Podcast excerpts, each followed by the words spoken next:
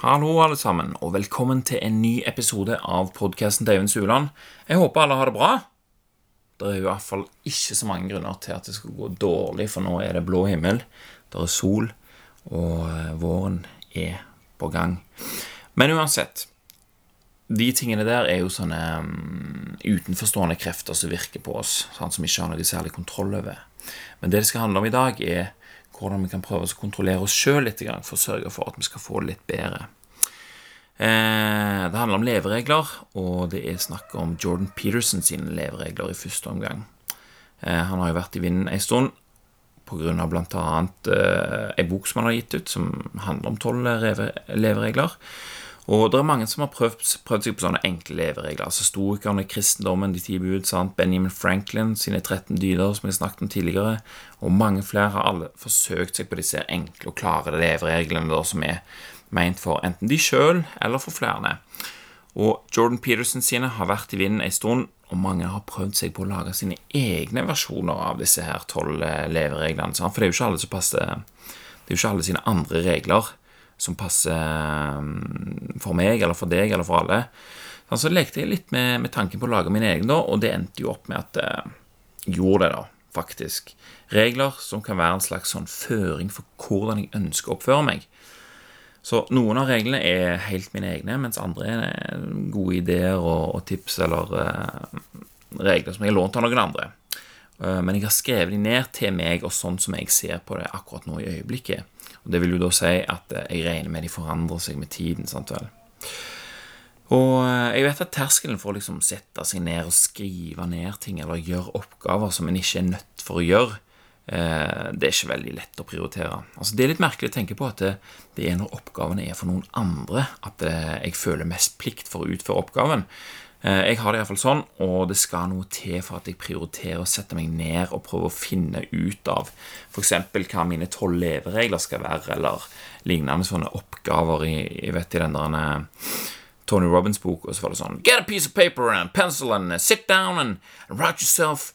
Eh, sånn så må du skrive ned masse sånne ting, og det Jeg vet ikke. Det er ikke så lett for meg. Men denne gangen gjorde det, Eh, og det er jo bra, for dette her er jo oppgaver som er for mitt eget beste. Sant vel? Litt investert tid og innsats har et ganske stort potensial til å endre hvordan jeg lever, til noe bedre. Litt grann bedre, kanskje. Eh, sant vel? Og tenk bare på hva en halvtime med TV da kunne byttes ut i. Sant vel? Vi vet jo at TV-tid er det som ikke gir så mye i utgangspunktet, og at ved å bytte ut TV med noe mer målbevisst, så har det et enormt potensial til å endre livene våre. Altså sånn, Ta en halvtime fra TV-en vekk eh, en kveld. Skriv ned dine egne leveregler. Og så er jo sjansen for at det, Eller sjansen er større for at det blir litt bedre, iallfall. TV er jo alltid et enkelt eksempel å dra fram. Og det er jo fordi at det er så avhengighetsskapende og passifiserende. sant? Jeg vet jo at det er gode serier og dokumentarer på TV som er lærerike og underholdende, men tiden vi bruker på det, kan aldri komme i nærheten av hva vi kan oppnå hvis vi setter oss ned, konfronterer oss sjøl med hvordan vi oppfører oss i forhold til hvordan vi vil ha det. sant? Så, og det å høre om noe, se noe eller forstå noe, det er bare det første lille steget mot å gjøre det til en realitet. sant vel? Det er mange avgjørelser og handlinger i retning det du ønsker. Eh, det mangler avgjørelser og handling i retning det du ønsker, mener jeg. Sant? Hvis du bare legger merke til en ting. Og det er jo mye viktigere. Og mye vanskeligere. Men jeg hørte noe fra en ekspert på atferd her en dagen, og han sa at folk oppfører seg sånn som det er forenlig med hvordan de vil ha det. Men når du hører på den påstanden, så tar det jo ikke lang tid før du finner ut at det overhodet ikke stemmer. Men tenk litt over det. Altså, Den påstanden der burde jo være sann. Altså, Folk oppfører seg sånn som det er forenlig med hvordan de vil ha det.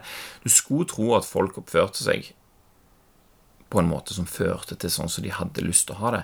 Men hvorfor er ikke det sant? Altså, Syke folk er oppgitte over egen situasjon, men de gjør seg sjøl sykere ved sine egne handlinger. sant?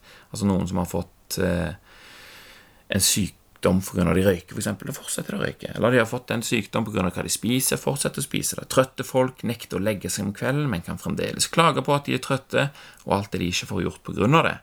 Folk drømmer om å ha mye penger, men skaffer seg istedenfor kredittkortgjeld. Det stikk motsatte. Hvorfor er det så vanskelig å oppføre seg sånn at det fører til hvordan vi vil ha det?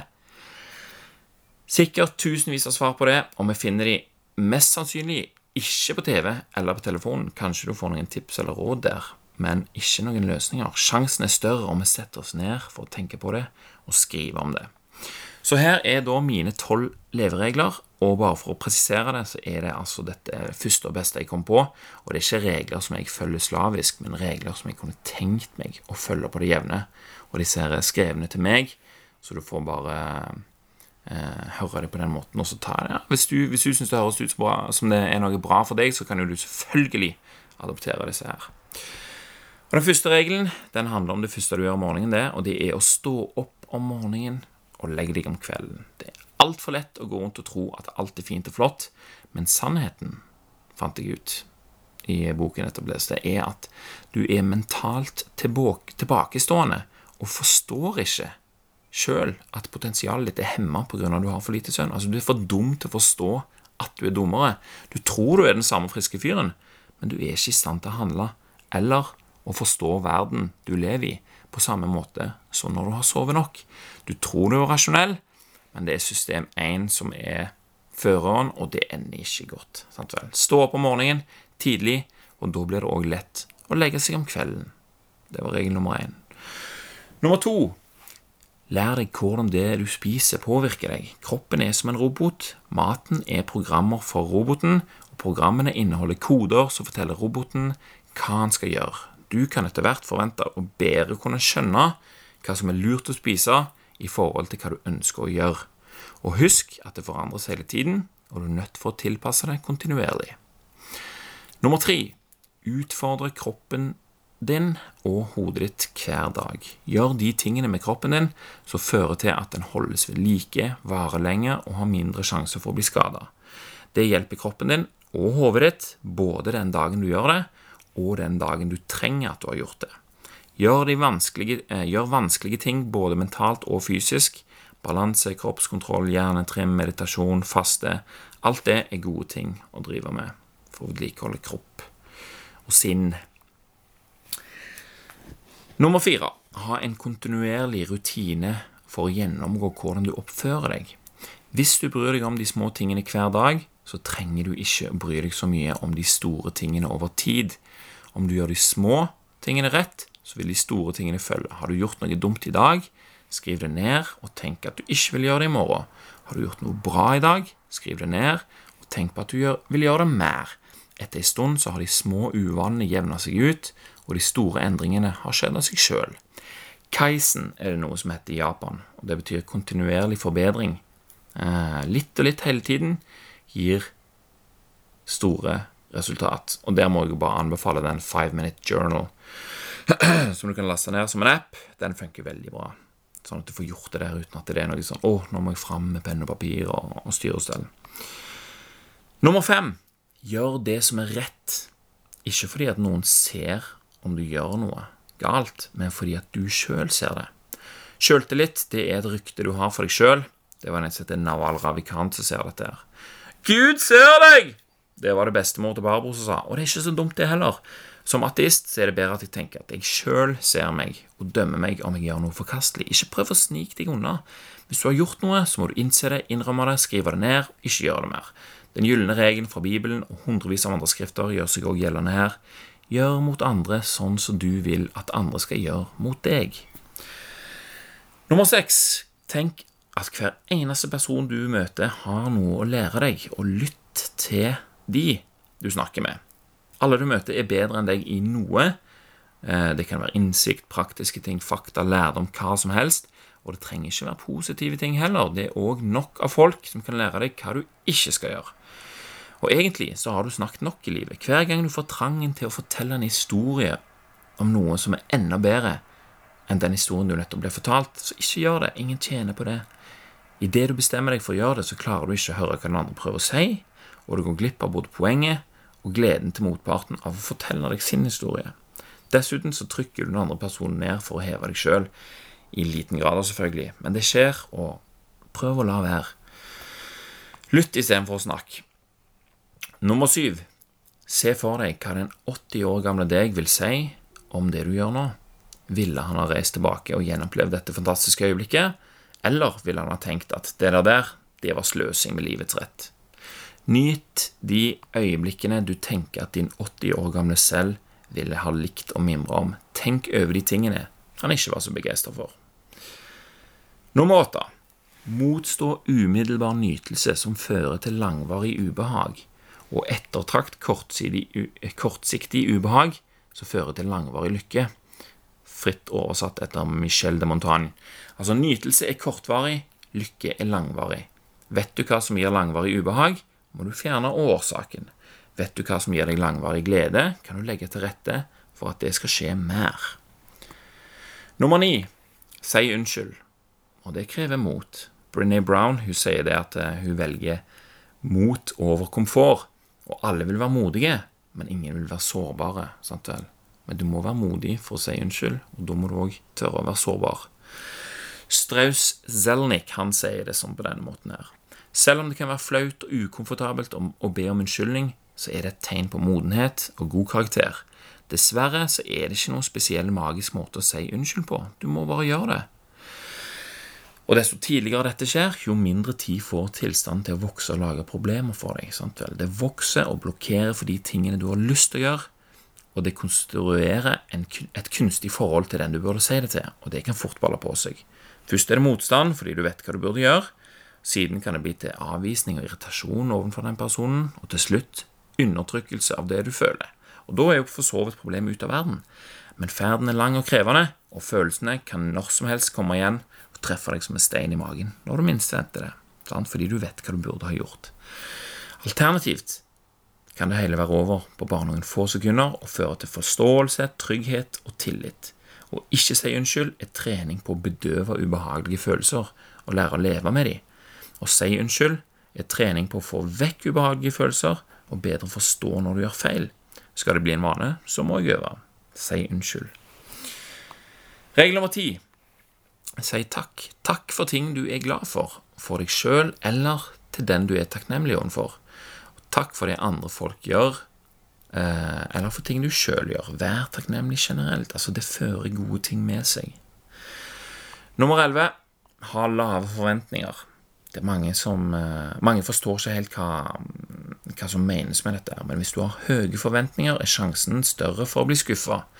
Skuffelsen er den trettende følelsen eh, som krever mye av deg å komme over.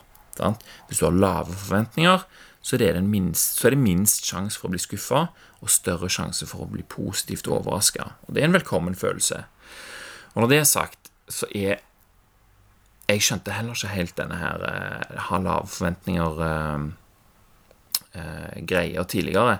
Men jeg begynte med akkurat det som jeg sa nå, og så etter hvert som tida gikk, så fant jeg flere og flere steder der jeg kunne putte den inn der den funka, liksom. Og nå etter hvert så er det en veldig selvsagt regel at det å ha lave forventninger, det gjør det lettere for meg å være glad for min egen del og for andre sin del folk som er i familien, f.eks., eller folk som jeg har med å gjøre.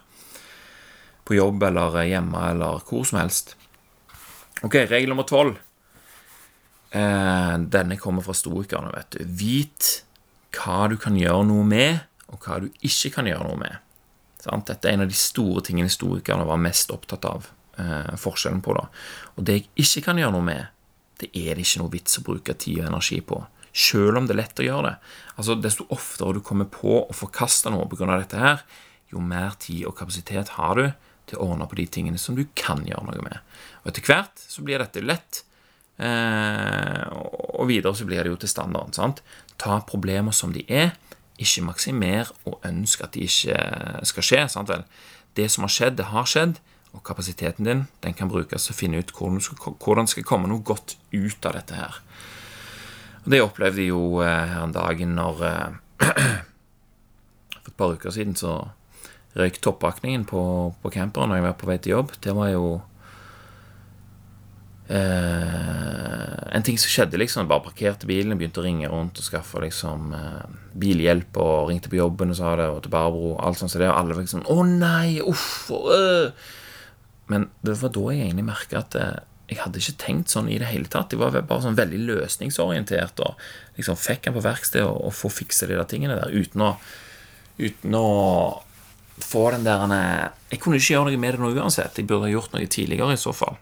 Og når jeg visste det, så visste jeg bare at eh, jeg hadde en en del ting jeg måtte gjøre for å få bilen fiksa. Liksom. Ikke noe vits med å, å henge med det der angre på det som jeg eventuelt ikke har gjort. Så regel nummer tolv der vit hva du kan gjøre noe med, og hva du ikke kan gjøre noe med. Den, etter hvert som den får etablert seg, så har den mye å si i livet, altså.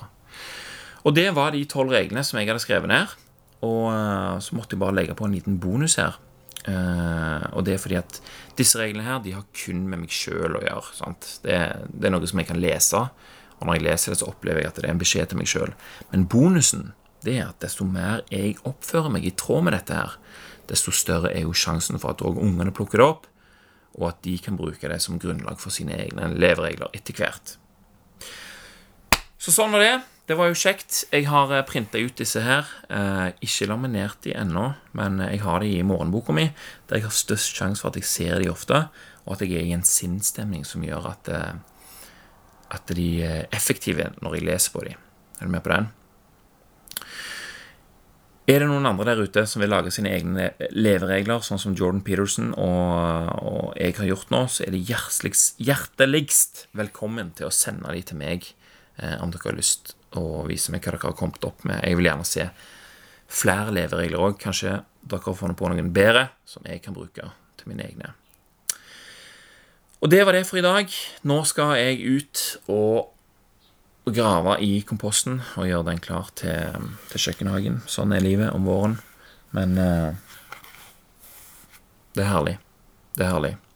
Takk for nå. Takk for meg, og tusen takk til deg som hørte på. Vi snakkes neste gang.